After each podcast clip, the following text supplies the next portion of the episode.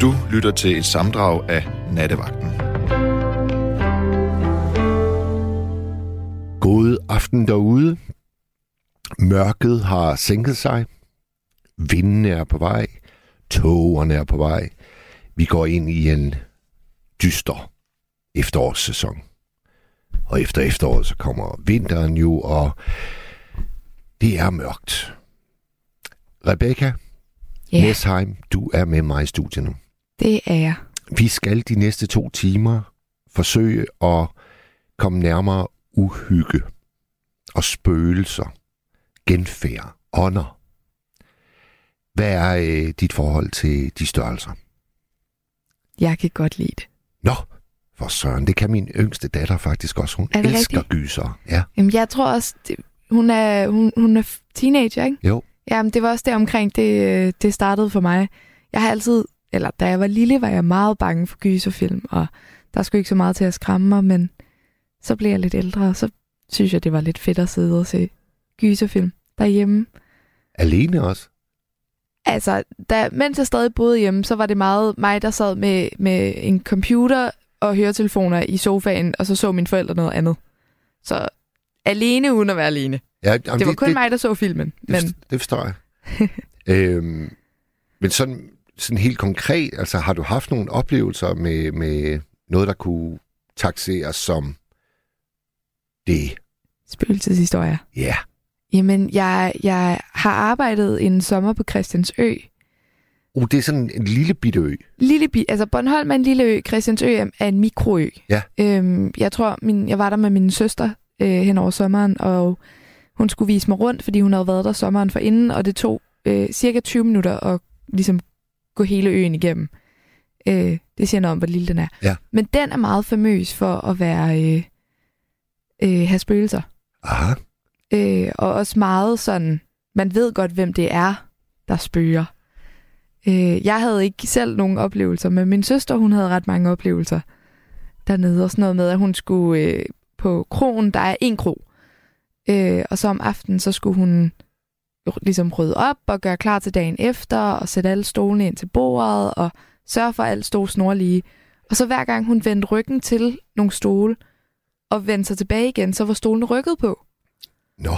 Og hun havde en, en tydelig fornemmelse af, at det ikke var, altså, det var ikke uhyggeligt, det var ikke ubehageligt, men der var bare et eller andet, der gjorde, at hun til sidst, efter at have brugt sådan noget 30-40 minutter på at få alle de der stole til at stå lige, så måtte hun give op.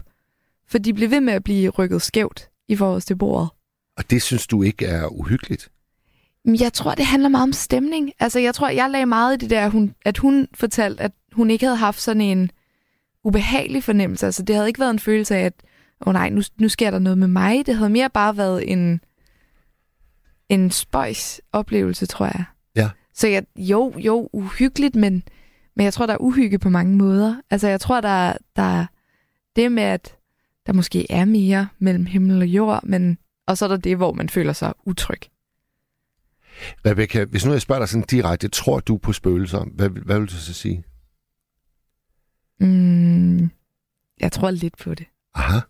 Altså ikke, ikke sådan meget, og ikke nødvendigvis i den forstand, at man kan tage kontakt til dem, eller det, det ved jeg ikke. Det, det er sådan, men jeg er meget åben over for det. Og Det så, er, øh, jeg har faktisk sat mig ind i det i dag. Øh, hvis man spørger danskerne, så vil øh, 25 procent af kvinderne, de vil sige, ja, jeg Ja. tror på spøgelser og genfærd. Hvorimod kun øh, 6-7 procent af mændene vil sige det samme. mm, Det er lidt spøjst, ikke? tror du på spøgelser? Øh, det må sgu blive et nej. Altså, men det er også fordi, jeg har aldrig været i nærheden af at møde noget eller nogen, hvor det ligesom kunne være det. Altså, mm. det, jeg har altid været omgivet af sådan noget fuldstændig... Ja, det var selvfølgelig det, der skete. Jeg har, Ja. aldrig, været, jeg har aldrig oplevet noget, hvor jeg ligesom sådan... Det var uforklarligt, det der. Men det vil jeg virkelig gerne have, at lytterne øh, ringer ind i nat med. Altså uforklarlige oplevelser. Men jeg elsker spøgelseshistorier. Jamen, det, det, det bliver en lovende nat. Rebecca, jeg, jeg, jeg læste også en artikel øh, i England. Ja. Der er det faktisk halvdelen af alle, der tror på spøgelser og genfærd. Af, af alle? Ja. Hele befolkningen? Ja. Okay. Hvordan fanden kan det være, tror du? Hmm. Jeg skulle til at sige, at der er mange gamle slotte i England, men det er der jo også i Danmark. Det ved jeg ikke. Altså, øh, Har England en, en sådan særlig grum baggrund? ja, man kan jo sige, at de har... Altså, jeg, jeg startede jo med at nævne vejret. Nu går vi ind i Ja. blæsten og Ja, regnen og mørket og tågerne. Især i England, der er det meget ofte tåget. og, og regn. Ja. Og det er måske et vejr, der ligesom øh, hjælper lidt på... Øh, det ved jeg ikke. Jo, det kunne du godt have ret i. Altså, hvis man hele tiden er omgivet af det, Ja. at det er svært at, at se noget. Og hver gang du kører bil, så er der bare sådan en, en, en sky af, du ved, hvor man ikke kan navigere rigtigt. Det, det må ligesom kalde på noget, tænker jeg. Jeg tænker, det kan også vække den der... Nu sagde du selv, at du har ikke oplevet noget, som ikke var sket af en grund. At, altså det hus, øh, jeg boede, jeg var opvokset i Helsingør, det hus, vi boede i, når der var stormvejr og sådan noget udenfor, så var det sådan et hus, der gav vildt meget efter og knirkede. Og det kunne godt nogle gange få mig til at tænke i en retning, hvor mine forældre jo bare var sådan, jamen, det blæser. Ja. Det giver mening, det knirker. Ja. Også op på loftet. Øh, lyde spiller jo en enorm vigtig rolle i gyserfilm. Ja. Altså, hvis du fjernede lyden, så ville du faktisk have lidt svært ved at forstå, hvad fanden foregår der. Altså, hvad, hvad har de i gang i dem her? Mm. Lyden er virkelig vigtig. Lyde kan noget. Ja. Mørke, og så lyd. Ja. Uha. Der er kommet et par sms'er, som jeg lige læser op, inden vi får vores første lytter igennem. Jeg tror på, at der er nogle mennesker, der går igen. Genfærd eller gengangere.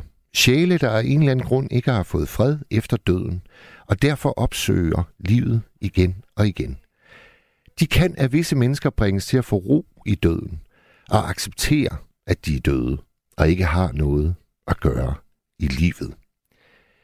Ja, altså hvad er det nu, de hedder, dem der, der, øh, der ligesom kan øh, hidkalde ånder, sjæle, eller hvad vi skal kalde dem, og så øh, få dem til at forlade det sted, de har slået sig ned. Hvad er det nu, de hedder? De, de er da ikke djævleuddrivere, er det det? Ring ind, hvis I er meget, meget skarpere på det her felt, end jeg er. Jeg er bare nysgerrig. Jeg har ikke den store viden, som jeg også sagde til Rebecca i indledningen. Nummeret 1 72 30 44 44. Og lige en øh, uh, sms mere.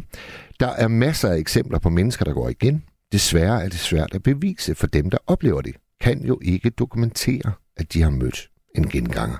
Nej, det er jo det, der er så øh, forbandet svært ved, ved det her. Altså, det er vel trods alt umuligt at føre bevis for. Eller måske kan Annette hjælpe os med det. Velkommen til programmet, Annette. Ja, tak skal du have, Mads.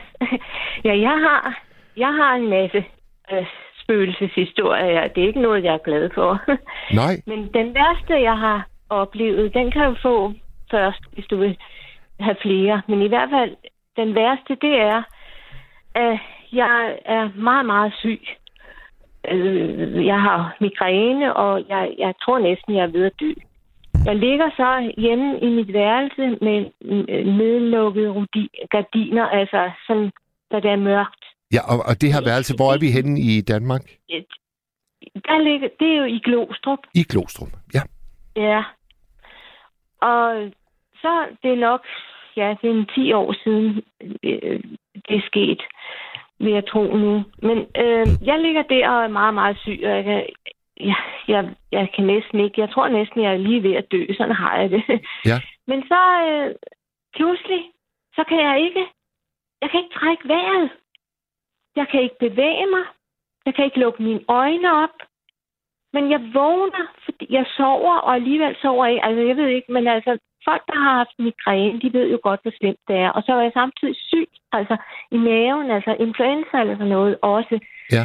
Så jeg var meget syg, og, og pointen er så, at fordi jeg er så livløs, så tror jeg, at det er derfor, at det her, det sker for mig. I hvert fald, så kan jeg ikke, pludselig kan jeg ikke bevæge mig. Altså, jeg, jeg kan, min hjerne fungerer, og jeg kan tænke. Men, og der, jeg vågner ved, at jeg kan ikke trække vejret. Og jeg kan ikke lukke mit øjne op, jeg kan ikke bevæge mig, jeg kan ikke røre noget i kroppen. Og det tager sådan nogle, ja, 10 sekunder, vil jeg tro. Så kan jeg lukke øjnene op, og så kan jeg, så kan jeg også sådan få vejret. Og i det, jeg lukker øjnene op, så ser jeg to hænder fra mit ansigt, der går, der er hænder, der er ovenpå, altså de rører ikke mit ansigt, men de, de, de er lige oven i mit ansigt, og så går de væk, sådan de trækker sig hænderne, jeg kan se sådan lidt spre- spredte fingre. Jeg kan se to hænder med spredte fingre. Alle 10 fingre kan jeg se. Men, så- men, men øh, du, kan, du kan ikke se arme, du kan ikke se krop, Nej, kun hænder. Nej, nej, nej, jeg kan kun se de der hænder, fordi jeg tror, det er, fordi jeg er så syg. Og, og jeg ligger jo i sengen, og så er den der vedkommende har stået over mig.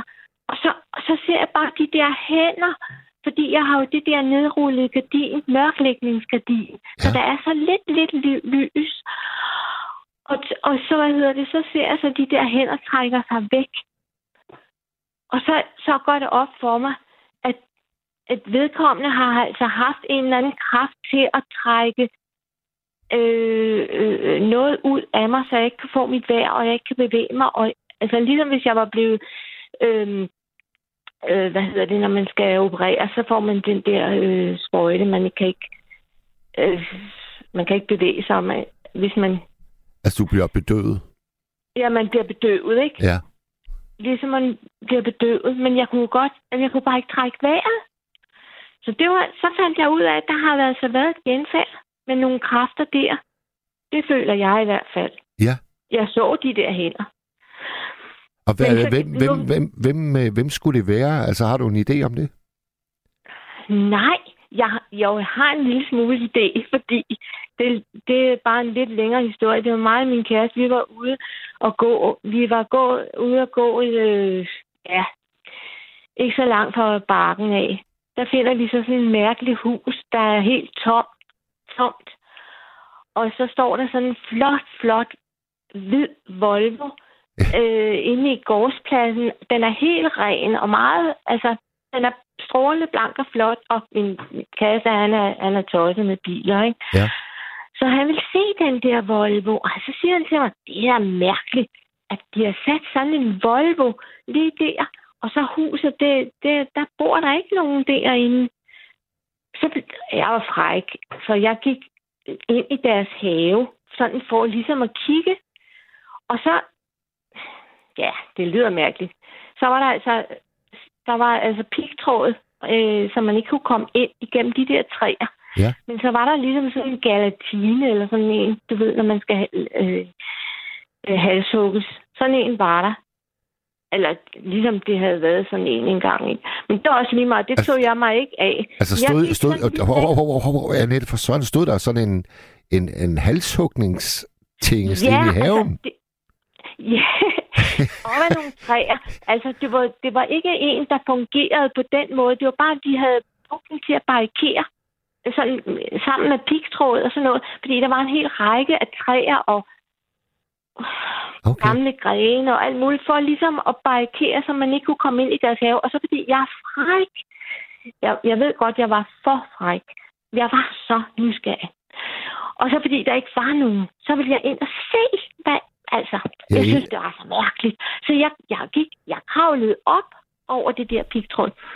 Og så kom jeg ind, og så kunne jeg se, at på den anden side af, der var der huset, så stod der et bord med to stole, sådan Ja. man sidder i, når det er, have, når det er sommer, havestole. Og så var der et, en vase med friske blomster. Nå, helt Det friske. jeg var mærkeligt. Og så, nå, men så tænkte jeg, nå, det er jo et gammelt hus, og der er det, og alt muligt. Så tog jeg en, jeg var så fræk, jeg tog altså noget af en plante, fordi jeg synes, den var så smuk med hjem. Den ville jeg have med hjem og plante hjemme hos os. Og så, øh, hvad hedder det, så, tog jeg, så var det jo fordi, at så tog jeg jo hjem til min kæreste sammen med ham. Vi har hver vores, nu, nu er han altså desværre død, ikke? Men altså, det var også, nu bor jeg slet ikke i Glostrup mere og alt det der. Men altså, jeg tog den der med hjem, og så blev jeg så syg, og så ville jeg hjem til mig selv og sove. Ja. Og fordi at jeg kan bedre sove, når jeg ikke har nogen ved siden af mig, og sådan noget, ikke? Og så var det jo det, at så blev jeg mere og mere syg. Og så havde jeg taget den plante med hjem til mig selv der. Og så, så sagde han nemlig, min kæreste, at det er satanister, det der, du er, og det må du ikke. Og han stod og kaldte på mig, og, og, og så kom jeg jo også til sidst. Men altså, fordi jeg har været inde på deres grund, ikke? Det måtte jeg ikke, Jamen altså, han. Annette, tror du, at, øh, tror du, at fordi at du tog en, øh, en plante, som du ikke havde Ja. fået lov til, og tager jeg. den med hjem, så fik du også noget af åndernes At kraft der med? Ja, ja. Ah, Fordi, fordi han sagde, at det, det der, han vidste så meget. Og så sagde han, det der, det er satanister. Også for, det, var, det var ham, der sagde det der med Volvoen, og det var mærkeligt. Og, og så noget, ikke? så sagde han, det har noget med, at de lokker folk, og det skal man passe på med, og jeg ved ikke hvad. Og så fordi jeg er så nysgerrig, ikke? Altså, og lidt fræk og lidt nysgerrig. en blanding af det der, ikke? Men jamen, altså, jamen, det, hvor, det hvor, lå det her, hvor lå det her vildt fascinerende sted med Volvo og, og halshugningsapparatur? Og, hvor, hvor lå ja. det henne? Ja, det kan jeg nemlig ikke lige huske. Øhm, det er ikke så langt fra bakken. Vi var nemlig ude at gå en tur, vi skulle ned til bakken, og så gik vi, så dengang der gik vi langt sådan for at holde os i form. Og så havde vi taget sådan en gåtur derudad, ikke? Og så Klampenborgvej, tror jeg faktisk det, faktisk det var, for jeg tror faktisk, vi var stået af på Lyngby station, og ja. så gået derfra. Og ja. man, man, kunne ikke, man kunne ikke komme ind i huset? Altså, det ville vi ikke. Det turde I fordi, ikke? Altså, nej, og det synes vi også, det gør man. Så langt må man ikke, eller sådan havde han sagt til mig. Det må du ikke, vel? Men så tænker jeg, hvis jeg gik den anden vej igennem det, alt det der, så kunne jeg ikke, så og så var der jo ikke nogen, troede jeg. Men jeg tror, der var nogen alligevel inde i haven. Der havde i hvert fald lige været nogen med friske blomster i den der vase og sådan noget. Ej, det lyder godt nok øh, specielt. Det var rigtig... Ja, det var rigtig spøjs. Og jeg blev rigtig venlig af det. Men jeg har faktisk kun fortalt min kæreste det, fordi jeg, jeg vidste godt, at der er ikke nogen, der vil tro mig. Men nu har jeg bare sådan lyst til at fortælle det der. Men så, fordi du sagde det med spøgelser. Men jeg har lige en anden ting. Må jeg, må jeg ikke lige spørge, må jeg ikke lige spørge uh, Annette, tror du, ja. tror du, det kan være, at de der hænder egentlig ville hjælpe dig? Altså at tage... Nej, det, det var en ond, det var en ond en. Okay, okay, det er du sikker ja, på? Han ville, altså han, han ville øh, døde mig, så jeg ikke kunne bevæge mig, og det fik, det fik han, jeg tror, det var en han, for det var nogle meget, jeg synes, det var nogle store ord heller. okay, okay. Ja. Ej, men, det må fandme også have været vildt uhyggeligt, det der. Det var vildt uhyggeligt, fordi jeg ikke kunne trække vejret. Ja. Og så fordi at jeg var så syg, så har vedkommende tænkt, at, at, at jeg var nem, et nemt offer, tror jeg. Fordi ja, eller også, eller, også, så, eller også så har du ret i det der med, at han var rasende over, at du havde taget øh, en plante. Ja. Jeg havde klatret over deres pigtråd og gilantine. Øh, ja, ja, ja, ja. Ja, alt det der, og så taget en plante fra dem. Det, det tror jeg, ja. at det var derfor. Troede du, uh, Annette, troede du på, uh, på ånder og spøgelser inden den her oplevelse? Nej, jo, jeg ved godt på spøgelser, men jeg er ikke sådan på ånder og alt det der. Så langt tænker jeg slet ikke. Nej. Altså, hvis jeg sådan er i det der, så er jeg bare sådan, det skal jeg prøve, eller sådan. Eller sådan, ikke? Det, jeg, jeg var sgu bare... Og så var jeg også tryg ved, at jeg havde ham med, ikke? Fordi anden var stor og stærk, og han, han var vant til at beskytte mig, ikke? Jo, jo. så kunne jeg være lidt mere fræk, ikke? Men Annette, altså, Annette, må, jeg, må jeg spørge, hvor gammel du er? Jeg er 68. Du er 68? Okay. Ja. Men det er jo i hvert fald 10 år siden nu, ja. det der skete. Og, Nej, men det og du bor, du bor, jeg skal lige, jeg skal lige, bare lige slutte af. Du bor ikke det sted, hvor, hvor du havde oplevelsen med hænderne længere? Nej, jeg det, det var ude i Klostrup, og nu bor jeg i Gentofte. Og har der været noget der så? Nej, slet ikke. Okay. Heldigvis. Ja. Men noget andet, som jeg... Øh, øh, ja, der er nogle hurtige ting, jeg kan sige, fordi jeg skal ikke godt optage dig med det ved optage tiden. Men det var, at der var nemlig derude i Glostrup, da jeg cyklede forbi en bestemt vej, så var der sådan et dejligt blommetræ. Og jeg tænkte, åh, det er nogle dejlige blommer det stod sådan, det var et offentligt sted, men op til sådan et, nej, offentligt var det måske ikke, fordi det var sådan et øh, firma eller sådan noget, der, det var nok et firma, der havde den grund der, ikke? En arbejdsplads. Men jeg, det var sådan ud til vejen. Ja. Og så, øh, så jeg cyklede forbi der og tænkte, ah, jeg skal da lige ind og se, om de er modne og sådan. Men jeg kunne mærke, altså jeg er meget følsom, sådan, og jeg kunne simpelthen mærke, at der var nogen, der sagde til mig, det gør du ikke, det der. Det, det må du ikke. Sådan meget, sådan meget, meget, meget kraftigt, det måtte jeg ikke gøre. Men så tænkte jeg, nej, altså, fordi jeg tager nogle blommer, så tager jeg jo ikke dem alle sammen. Nej. Så det kan da ikke gøre noget, tænkte jeg. Så jeg gik jo bare frisk og frejdig ind og, og stod og plukkede sådan fra træet, for det var ikke sådan en stor træ. Jeg kunne nå at tage nogen. Og i det, altså, kunne jeg mærke stadigvæk den der ubehag. Altså, ligesom du ved, at der er en eller anden, der står og skælder dig ud, ikke? Og siger, kan du så komme væk, ikke? Ja.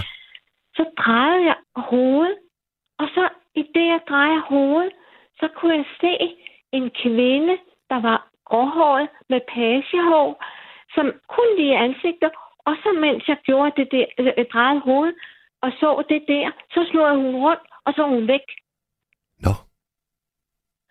Og jeg synes jo, ah, det var da mærkeligt, tænkte jeg ikke. Og jeg gik jo hjem og glaskede blommer.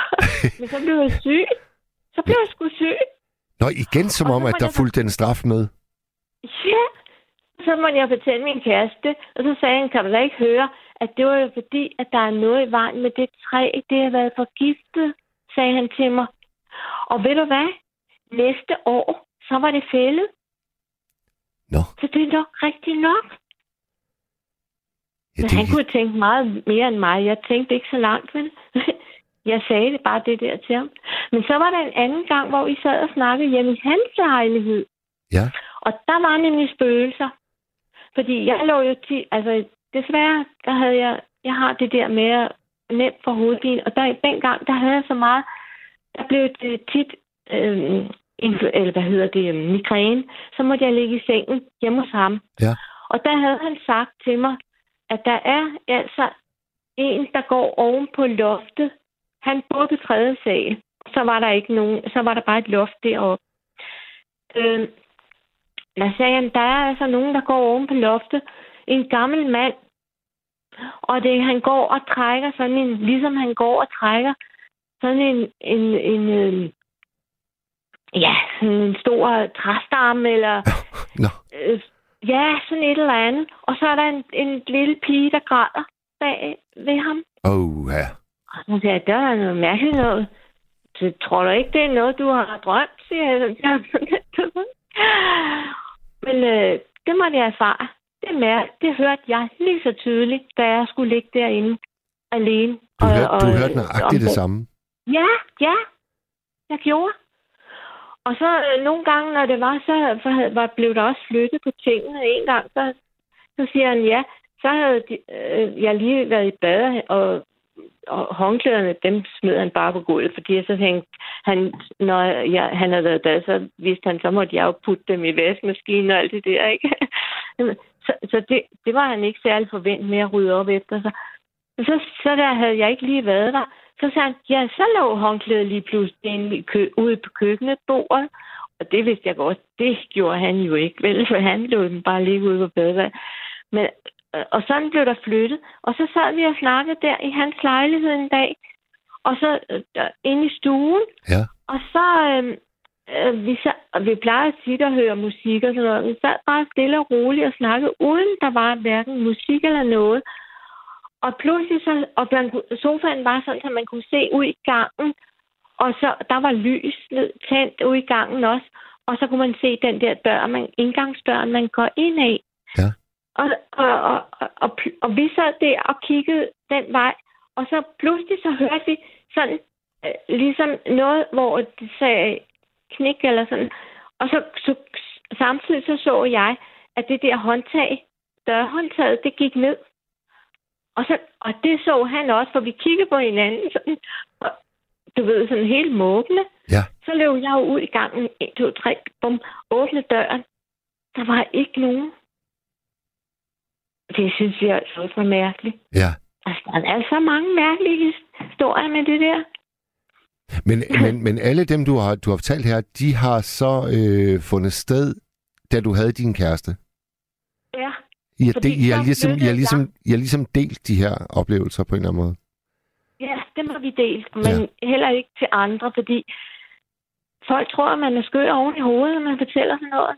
Men, men det må jo Men- bestyrke jer i jeres tro på, at det er sandt, det jeg oplevede, når I ligesom har været i stand til at dele oplevelsen. Ja, ja, også fordi øh, øh, det der med det, det der inde i øh, den der mand, der gik og træk, trak den der Med det grædende barn bagved. togstammen, eller hvad pokker, træ, eller hvad pokker. Han tog en, han skubbede den, og man kunne høre, man kunne høre ligesom, det sådan kørte op ad loftgulvet der.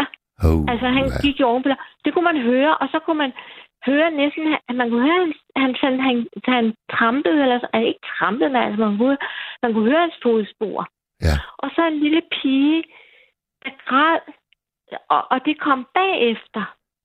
Det Så høre. altså, en af Og de, en af de, sige- Annette, en af de Og en uhyggeligste, en af de uhyggeligste lyde, der overhovedet findes, det Ja. er jo altså Og barnegråd. så sige en ting. Det er, min kæreste, han var meget, han var meget glad for damer. Nå.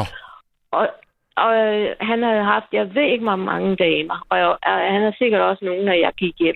Men det var heller ikke noget for mig. Fordi jeg var ikke jaloux.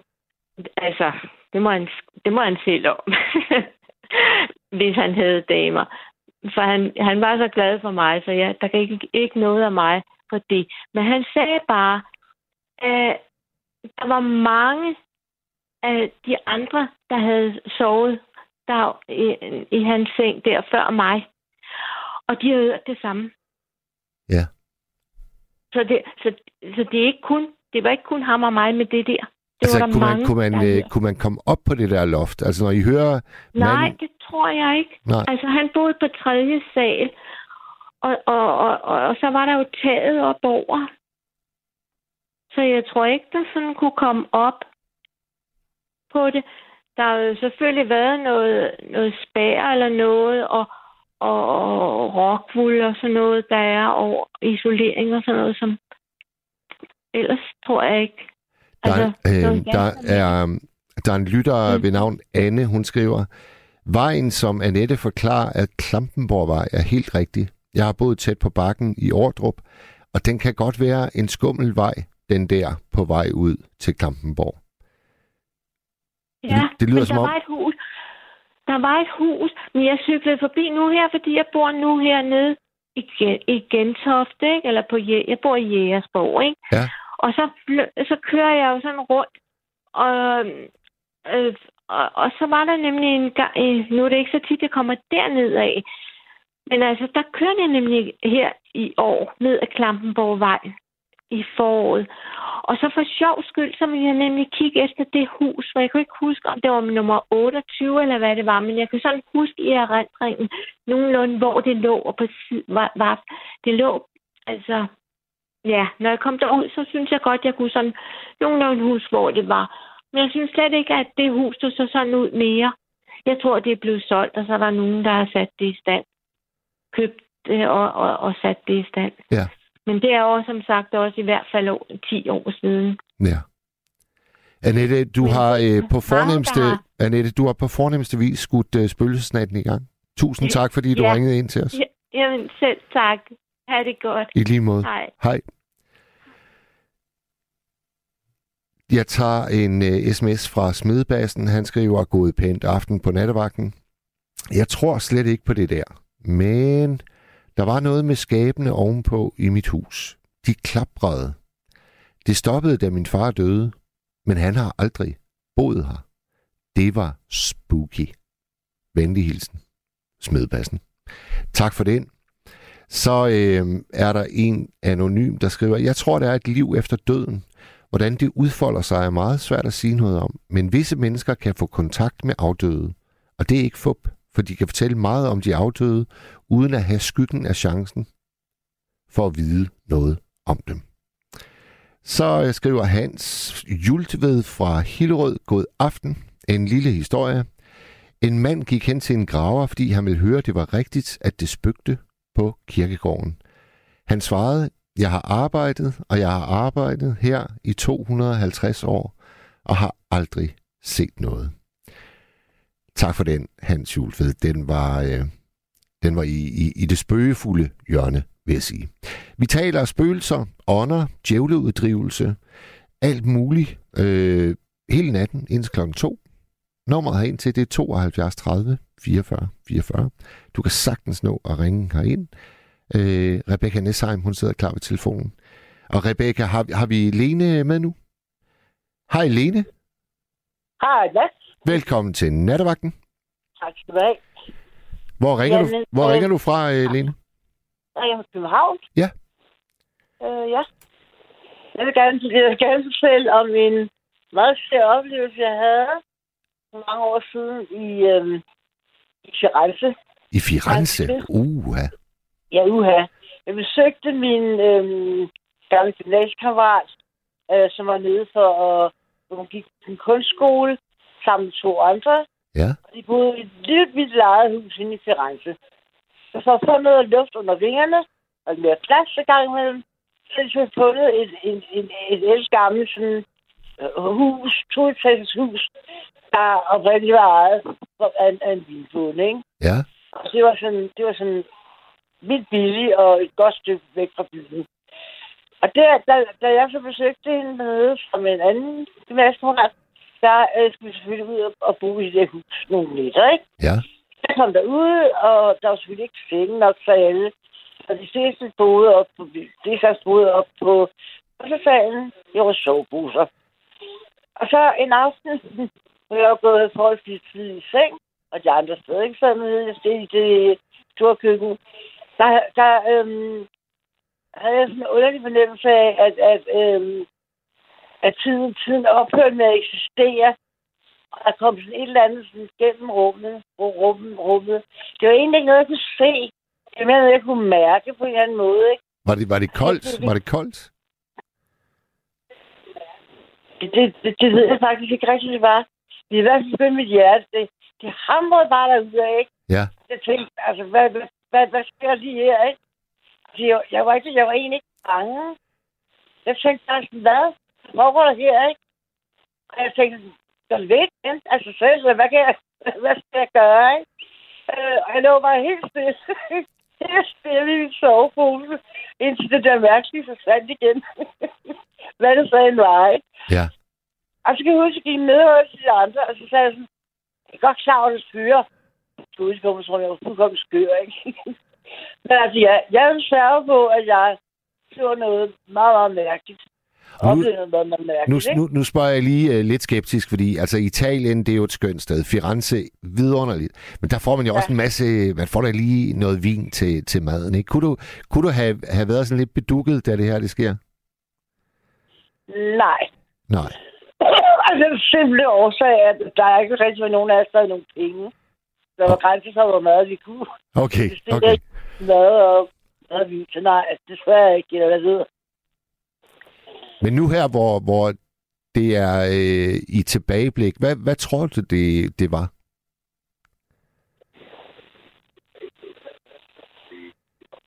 Jeg tror, det var en, der gik igen i virkeligheden. Ja. De gik igen, uden at øh, materialisere sig i en, en, en menneskelig skikkelse, som man kunne sådan røre ved, eller, eller, eller se. Det var en, det var en form for ånd, eller et eller andet, ikke? Altså, som gik igennem, gik igennem rummet. Øh, Ja. Og om det så var en eller anden på forsiden, eller om det var en eller anden, der bare kom forbi tilfældigvis og fandt mig, det ved jeg ikke noget om. Men altså, jeg kan, jeg kan stadig huske fornemmelsen faktisk. Jeg tænker på, snart jeg hørte, jeg hørte aftens emne, ikke? Jo. Jeg lå bare sådan helt, sådan, helt stiv og tænkte, okay, hvornår går det der væk, ikke? Og jeg skulle ikke tale, jeg sagde, sagde ikke noget. Jeg lå bare sådan, så på tænder. Du Det lå, er ikke særligt. du lå Det stiv det var af skræk. Stiv af Ja. skræk, ja. Det var jeg. Og jeg, jeg, jeg, jeg tænkte, og så tænker jeg lige så sådan, at 10 minutter efter tænker jeg sådan, jamen hvad nu, hvis jeg ikke var gået væk igen, ikke? Hvad har jeg så gjort? Så har så gjort mig noget, ikke? Og var der, sådan, øh, Lene, der er der din veninde, hun så kommer op for at sove. Hun, hun oplevede ikke noget. Nej, og det gjorde de andre. Det gjorde hverken øh, min veninde, eller hende, jeg rejste sammen med, eller, eller de andre. Nej. Og det var også det, det var som så ser det, ikke? Da, da jeg kom derned her i køkkenet, øh, var var fuldt, fuldt oplyst og sådan noget, ikke? Øhm, og fortalte om det. Tror du, Det er øh, tror du, det kan være, at man kan have et væsen, som ånder er tiltrukket af?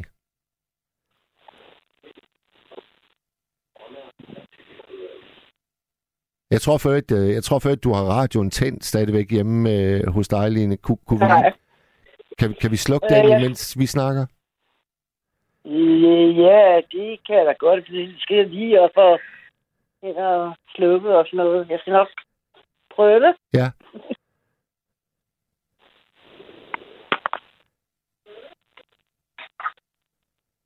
Sådan der.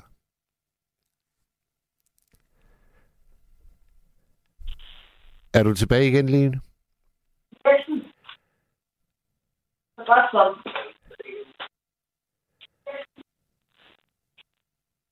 Godt så. Det var måske ret langt væk, den, øh, den radio. Jamen, hvad er stod i? Ja, det stod ikke. Så kom du Ja. tilbage. Men det var... Altså, jeg... jeg altså, den dag, der kan jeg ikke forstå, hvad der var, der skete. Øh, og jeg kan sagtens forstå din, din hvad hedder det, naturlige øh, indvending at sige, at man ikke fordi, jeg har drukket en masse dejlig rødvin, ikke? Men det havde det altså faktisk ikke. Nej. Det var alle sammen nogle fattige, fattige, fattige røve. Jeg var studerende, og andre læste det der skole, ikke? Eller var der og tegnet fra morgensaften. Der var ikke rigtig nogen, der var ikke rigtig nogen. Der var ikke rigtig, der var ikke rigtig så meget at tage af på kisebunden. Ja. Så jeg, jeg ved ikke, jeg, jeg, jeg, kan ikke, jeg kan ikke se, hvad der, hvad der skete. Det kan jeg ikke klare. Det eneste, jeg ved, det er jo, at jeg øh, var og er ved min sansesfulde brug, ikke? Jo, jo. Og du, har, du, øh, har du haft øh, lignende oplevelser tidligere eller efter? Altså, Ja, det gør det jo også øh, lidt mere specielt, synes jeg, at du kun har oplevet det den ene, ene, ene gang. Jamen, jeg tror, jeg tror, jeg tror, det må have været en eller anden form for ånd i det gamle hus. Det den har været der en gang. Altså, nu, nu prøver jeg bare at have det videre, ikke? Ja, ja. Det kan være, det jo godt det er en, der har været boet der en gang, eller har sin gang i huset, eller et eller andet, ikke? Og så bare kommer forbi. Og det er selvfølgelig mig, der ligger der. Fordi ellers ville nogle af de andre have oplevet noget tilsvarende. Tænker jeg. Ja. Jeg kan ikke rigtig... Hvad, hvad skulle, øh, hvis vi skal prøve at sætte os i øh, genfærdssted, eller gengangerens sted, hvad, hvad, hvad er formålet? Hvor, hvorfor gør de det?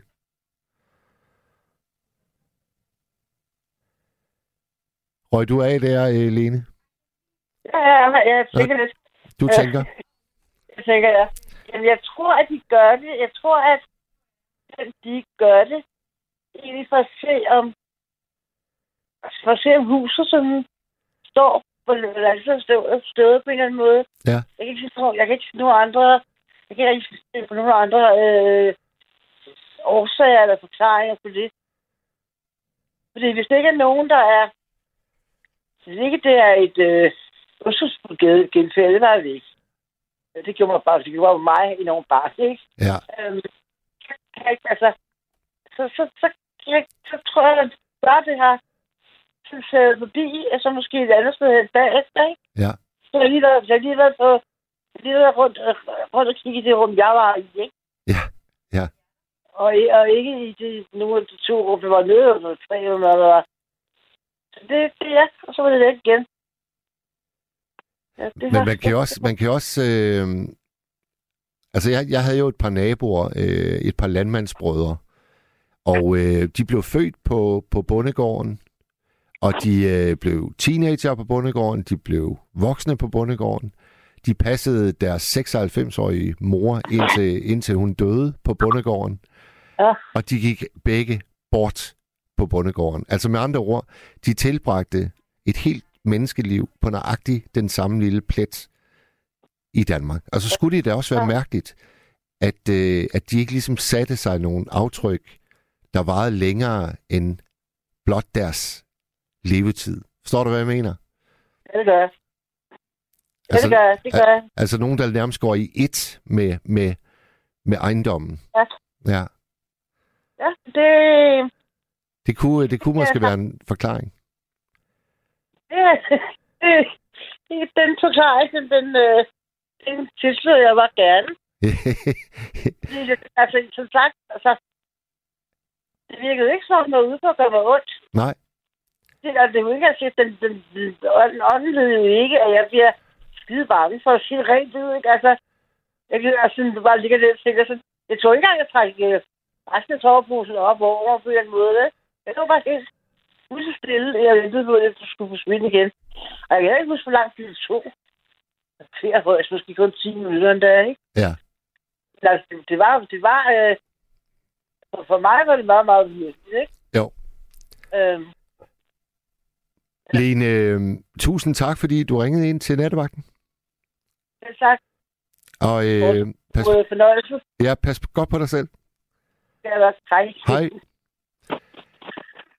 Der er kommet et forslag fra en lytter, der skriver, lav en nattevagt, hvor du siger, at kun genfærd må ringe ind. Så kan de jo fortælle, hvorfor de gør det. Ja, det er sgu en meget god idé. Så er der en anden, der skriver, forfatteren Tid Jensen, Johannes V. Jensens søster, hun troede på et liv efter døden og gik meget op i at få kontakt med afdøde. Måske var det en af grundene til, at de to havde så dårligt et forhold. Johannes V. Jensen har nok syntes, at det var totalt latterligt. Så er der en, der skriver til mig. Læs lidt flere sms'er op. Vi er jo mange, der sender dig gode sms'er. Og ja, jeg gør mit bedste hver eneste nattevagt, jeg har, for at få så mange af jeres sms'er med. Så er der en, der skriver, der er mere mellem himmel og jord. Min mor var engang i knibe økonomisk og bad til Gud, som hun troede inderligt på, om at hjælpe hende. Efter nogle få dage blev en af hendes obligationer trukket ud, og hun fik tilsendt 500 kroner. Og det var meget i 1965. Ja, for søren. Så er der en her, der skriver, de som ved noget om et liv efter døden, mener, at afdøde går igen, fordi de føler, at der er noget, der var uafsluttet i deres liv. Der er også nogen, der mener, at hvis mennesker dør bræt uden at være forberedt, så kan de gå igen, fordi de ikke er klar over, at de er døde. Ja. SMS'er, dem sender I bare fortsat herind. Vi har til klokken to. Ejner, han har ringet ind på det nummer. Velkommen, Ejner. Ja, ja, velkommen. Det her det er en oplevelse, mig og min bror havde over fra en campingplads over på Langeland. Vi var på vej hjem. Ja. Og så siger min bror til mig, om ikke vi skal til, må jeg nævne navn, for han er død. Det må du gerne. Det, vi havde en meget ond onkel, der boede nede bag ved Køge, noget der hed Bjælkerup ved Storhedinge. Ja. Han hed Jens. Og øh, han var kommet afsindig hurtigt af dage ved et uheld, hvor han øh, var, var brændt inde med en cigaret. Og de sagde så, at de havde, nogen havde restaureret huset, men de turde ikke være der, fordi at om natten blev der rykket i dørene og råbte og skrædede. En af en dame råbte, hun ville ind. Og når de så gik bag ved huset, der var to døre, det var lige genopført det hus, der, der var brændt, så var der ikke noget. Nej. Og, mig, og min bror der, vi overnattede i vores telt øh, på sådan en stor græsplæne, der var i nærheden af, af det nye hus. Og mellem, det var sjovt, for min bror han sov, men jeg så det, så kan folk sige, hvad de vil. Jeg så nogle skygger og noget lys, der blev tændt, og der blev rykket nogle døre, og en af en dame, der skreg, hun ville ind. Nå. Så gik jeg derover, og lige så snart kom nærheden af huset, så ligesom, der var ikke noget koldt, der var noget, ligesom det var, det var uhyggeligt at pommeren til. Så havde jeg en fornemmelse af, at jeg rendte ind i en person, der var tung, og, men der var ikke noget. Jeg rendte bare lige ind i noget tungt. Og så var der en, der stønnede meget højt, og så forsvandt det. Jamen altså, Og så øh, øh, Ejner, prøv, prøv at uddybe det tunge. Altså, hvordan, hvordan kunne det være tungt, når der ikke rigtig var noget? Det skal jeg forklare dig. Den tunge, øh, det, der ramte mig, den lugte ligesom min gamle onkel. Altså, han lugte af røg og tis, og, øh, og så lugte han af, af, af spiritus. Det var det, jeg kunne, kunne lugte. Ah, hvor jeg kunne kende. Og så blev jeg skubbet, ja, ligesom jeg væltede en halvanden meter, og så, så var det væk. Men det skete, jeg var, vi var der der, øh, vi var i der i teltet og gik rundt der i den der store landsby, der hedder øh, Bjælkerup dernede ved Storhedinge.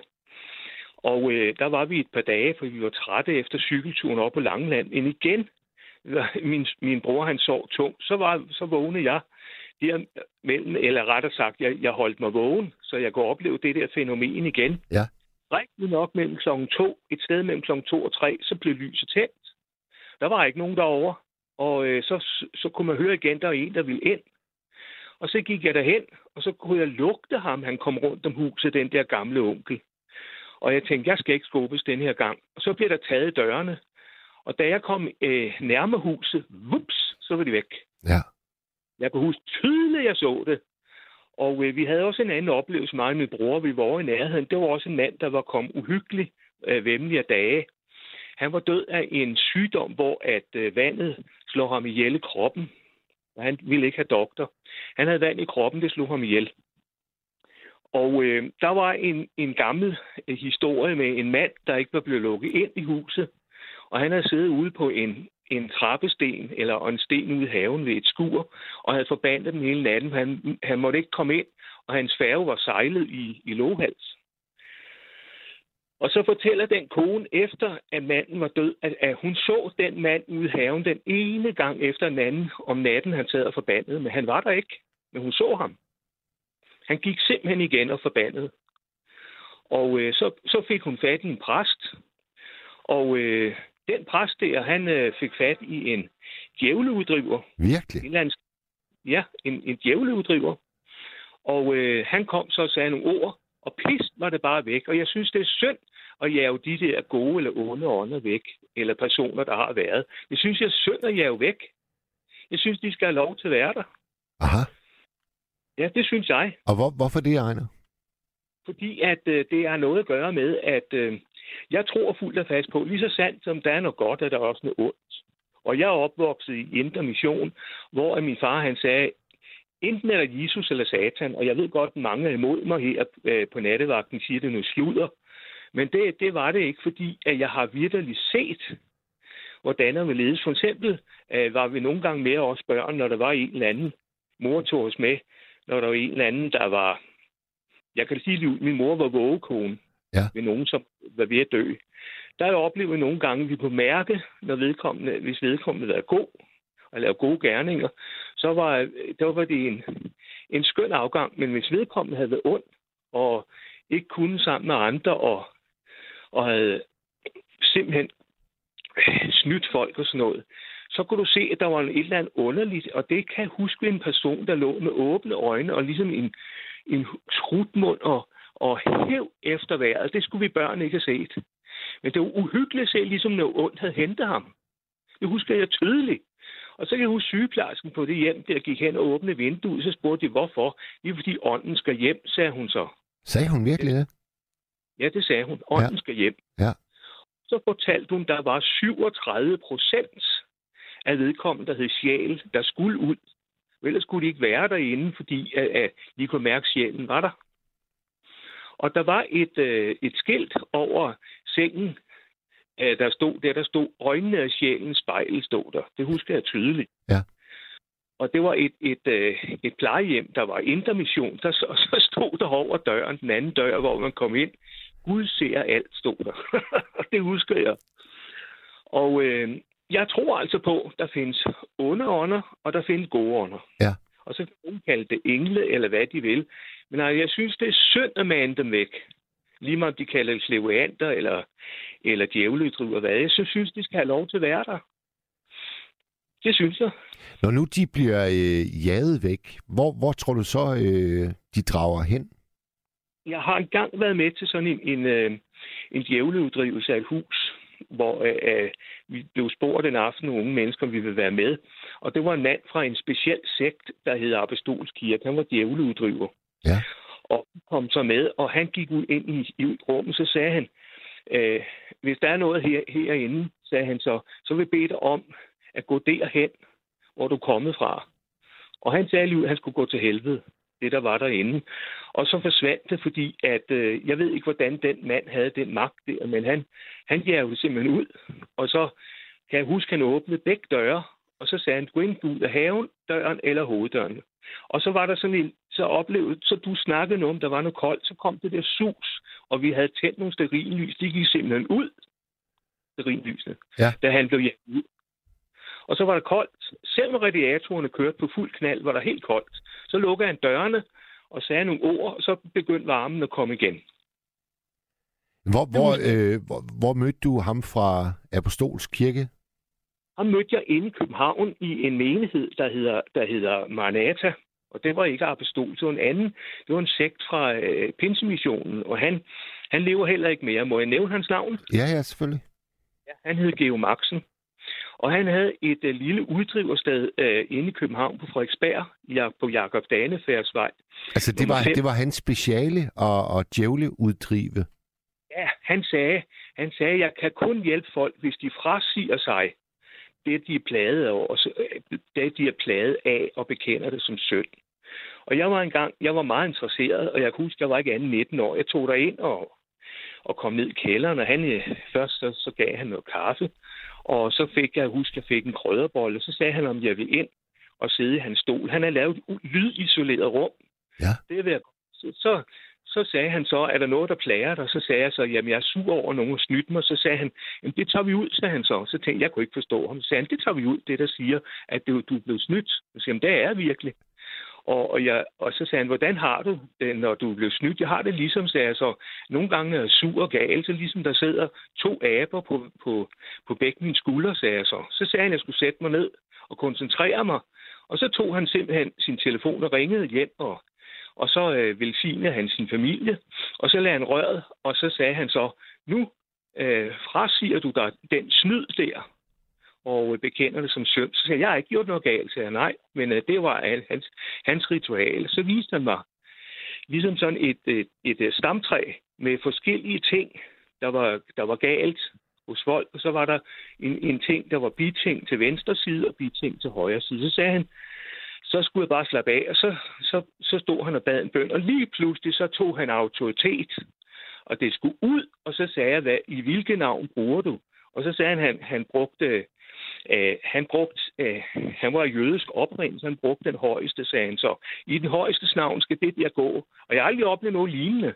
Jeg blev fremad i stolen og tilbage ligesom øh, en bue og bankede hovedet ind i væggen, sagde, det er altså for et voldsomt, sagde jeg. Sagde han, hvordan har du det nu? Jeg har ondt i hovedet, sagde jeg, men jeg, jeg kan ikke huske, hvad det var. Nej. At, fordi at jeg oplevede en form for befrielse, det snyd. Ja. Og jeg var lettet, og ligesom de to aber var hoppet af. Han kunne virkelig noget, men altså han, han bød i, i vor herres øh, navn. Den højeste, sagde han så. Og, øh, Ejner, han... Ejner, øh, to ting, jeg er nysgerrig på. Hvorfor skulle det rum, øh, han var i, være lydisoleret? Det kan jeg godt forklare dig. Der kom nogle gange nogle patienter, øh, ikke patienter, men folk, som, øh, som havde noget raseri ind i sig, og når han tog autoritet, at de havde frasagt dig, de havde frasagt det, den som synd, så skreg de i vildens skyld. Ah. Så, ud på gaden, og han var bange for, at der kom nogen, og vi meldte ham. Fordi der kom nogle gange en ung mand, og han skreg, og han skreg, og han skreg. Og jeg spurgte, hvad det var for noget, at, at der bandt ham. Og så, øh, det ville han ikke ud med, det var privat. Men hvis han ikke havde lydisoleret det rum dernede, så var han bange for, at folk ville melde ham. Ja. Han flytter så senere ham her af djævleuddriveren til øh, en lille by nede ved Køge, der hedder Herfølge. Nej, den hedder ikke Herfølge, den hedder Lille Skældsved. Ja. Der lavede han også en lydisoleret rum i hans hus. Og der skete det, at øh, nogle gange havde han glemt at lukke det vindue et andet værelse, men der var en dag, der var, kom en, også en ung mand, der fejlede et eller andet, og han hyler, han skreg. Så kom naboen og spurgte, hvad der var i vejen. Det var derfor, det var lydisoleret. Han var nødt til at lukke alle vinduer og alle døre. Og så, og, og, og så lige en anden ting, Ejner. Øh, hvorfor skulle han ringe hjem? Der da du kommer ned til ham, så, så skal han lige ringe hjem til familien. Hvad, hvad gik det ud på? Det gik ud på, at hans øh, familie skulle være dækket af, af Guds velsignelse, så der var ikke noget, der ramte dem fra mig af. Det troede han på. Ah, du, altså, øh, det du havde i dig, det kunne måske øh, spredes til, til hans kære? Hoppe. Han mente, det kunne hoppe i åndens verden. Sådan er der nogen, der er så fanatiske. Han mente, du kunne hoppe. Og så sagde jeg, at det, det, at det kan der ikke lade sig gøre. Altså, jo, sagde han. Hvis han ikke dækkede hans øh, kone og hans øh, to søstre, hver gang der skulle ske en udfrielse, så var han bange for, at han kunne tage det med hjem, og det kunne hoppe fra, fra ham og over på dem. Så sagde jeg, at det kan altså ikke passe. Altså, og så sagde han så, ja, min en af mine, sø, mine, en af mine døtre altså, blev syge efter, at jeg begyndte. Og øh, jeg ordner ud, for hun havde meget i nat, sagde han så. Nå. Og der er jeg nødt til at ringe hjem og, og velsigne hende, for ikke hun, hun blev angrebet. Tog han, øh, tog han honorar for at lave øh, uddrivelserne, ved du det? det gjorde han ikke. Du var velkommen til at give ham jeg kan huske, at han, han havde en lille bøs på bordet, hvor en, der lå, at velkommen til at give en skæv, stod der på gammelt sprog. Så jeg lagde en fem eller en tiger. Han tog ikke imod. Det var ikke en bestemt pris for det og det og det. Slet ikke. Hverken 50 eller 100 kroner eller 150. Slet ikke. Så han så det simpelthen som en god gerning, han gjorde? Ja, han blev ved simpelthen indtil han var 87, så måtte han holde op, fordi at han øh, døde i da han var 88 for to år siden. Og jeg følte mig så ensom, for jeg var, jeg var glad for at snakke med ham, fordi han havde tid til en, og man kunne tage ned og besøge ham. Og, øh, men han, han mente noget, som jeg var direkte imod. Han mente, han kunne befri folk for homoseksualitet. Så sagde jeg, det tror jeg altså ikke på. Da jeg mener, at homoseksualitet er en, en, noget, som folk er født med. Og også, det, også de damer, der kan lide hinanden, det lesbiske, ikke? Men han sagde, at det, det kunne han tage ud, så han så, og hvis de bekendte som synd, og frasage sig det, frasige sig det. Ja. Og så sagde jeg så til ham, gjorde de så det? Han havde haft et par stykker. Nej, de kunne ikke få sig selv til det, sagde han. Men hvis de havde bekendt det som synd og frasagt sig det, så kunne de måske blive frie. Og øh, så havde han, tog han jo Bibelen og læste et eller andet op, og jeg havde hørt det før, hvor jeg kom fra. Så sagde jeg, jeg tror altså ikke på det, sagde jeg så. Og så sagde han, Nå, men så kunne du komme øh, igen en anden gang. Og det er altså ikke mig, der er homoseksuel. Det var en anden en, der var kommet. Og så oplever jeg så en dag, at øh, jeg havde op, udsat for... Jeg blev så skide sur over landet, så, og så øh, oplever jeg, at jeg havde fået raseri ind og det irriterede mig hver gang nogen de drillede mig. Så råbte og skreg og slog i bordet. Så ringede jeg til ham, så sagde jeg sådan og sådan og sådan. Jamen, så sagde han igen, ham den gamle Geo. Jamen, det kan vi tage ud, sagde Geo så. Vi kan godt tage raseri ud, men det har to følgesvende. Det har surhed og galsindet. Det skal være ud samtidig. Surhed og galsind. Og galsindet. Ja, ja. Galskab. Ja, ja, ja. Så ned til ham. Og rigtig nok, da jeg bekendte som søn og frasagde mig det, så rykkede jeg rundt i den stol, der var boldet til gulvet, og så oplevede jeg en total lettelse. Og der siger jeg de der djævleuddriver, de er fantastiske mennesker. Der findes stadigvæk nogen, der gør det. Og dem kan man finde, hvis man kigger i en kristen avis, der hedder Udfordringen. Udfordringen? Udfordringen, ja. Det er en kristen avis. Kan man, finde, kan man finde den på nettet, Ejner? Det ved jeg ikke noget om, for jeg har ikke det der fine. fine. Jeg har ikke nettet. Nej. Men uh, man, man kan... Man kan det, kan, det kan man vel. Det tror jeg. Hvor, hvor skaffer du dig avisen hen? Øh, jeg skaffer den nede på øh, biblioteket, der låner jeg den, øh, der, der, fordi jeg har, jeg har haft abonnement, men det er for dyrt. Ja. Det, det gider jeg ikke, men øh, det er en kristen avis, der tilbyder alle mulige former for tjenester Nå. og hjælp og sådan noget. Og, og Ja, der er også nogen, der tager rundt og så driver ånder ud og sådan noget. Det, det er der. Og hvad er det for en øh, religiøs afsender? Er det, en, er det en sekt, der laver avisen, eller? Det er det ikke. Det er simpelthen, det udspringer af folkekirken. Og øh, der er særlig en, en kirke bag, der står bag nede ved i Karlslunde Strandkirke. Den er meget missionsk. Og så er der nogle andre i Jylland, i Kolding, og nogle i Christiansfeldt. Den kommer fra Christiansfeldt. Aha. Udfordringen, den har jeg sgu aldrig hørt om. Og der kan man ringe på oplysning 118, og så kan du få nummeret at vide, og så kan du ringe der til og få øh, den der øh, avis tilsendt. Og så er der, der er forskellige hjælpetjenester, øh, kristne psykologer og andre, og så kan, igennem dem kan man så fortælle de så, hvem der driver ånder ud. Aha. Og, og ja, det gør de. Og det skal være en seriøs en, og en, der mener det, og, og hvor det virkelig sker. Jamen, hvordan, hvis nu, hvis nu man gerne vil øh, hyre en, eller det skal man jo ikke, fordi det er jo øh, vederlagsfrit. Hvis man gerne vil have en god djævleuddriver, hvordan sikrer man sig så, at vedkommende kan noget, Ejner? Jamen, der tager du ind i noget, der hedder på Drejervej i Pinsmissions hovedsæde på Nørrebro ude i Nordvest. Og de henviser dig til en djævleuddriver. Eller så kontakter du en, en uh, kristen uh, præst i øh, uh, Tisted, der hedder Henrik Øh, øh, han lever i bedste velgående, men han siger, jeg godt må sige hans navn. Henrik øh, øh, Ølholm Larsen. Han er fra Pinsmissionen i øh, Tisted, og han han driver årene ud. Nå. Ej, det er fandme fascinerende. Ja, det gør han. Modtaget. Ejner, Ja. øh, øh, fornøjelse at tale med dig. Tak for det. Ha' en øh, fortsat god nat. Du har lyttet til et sammendrag af Nattevagten.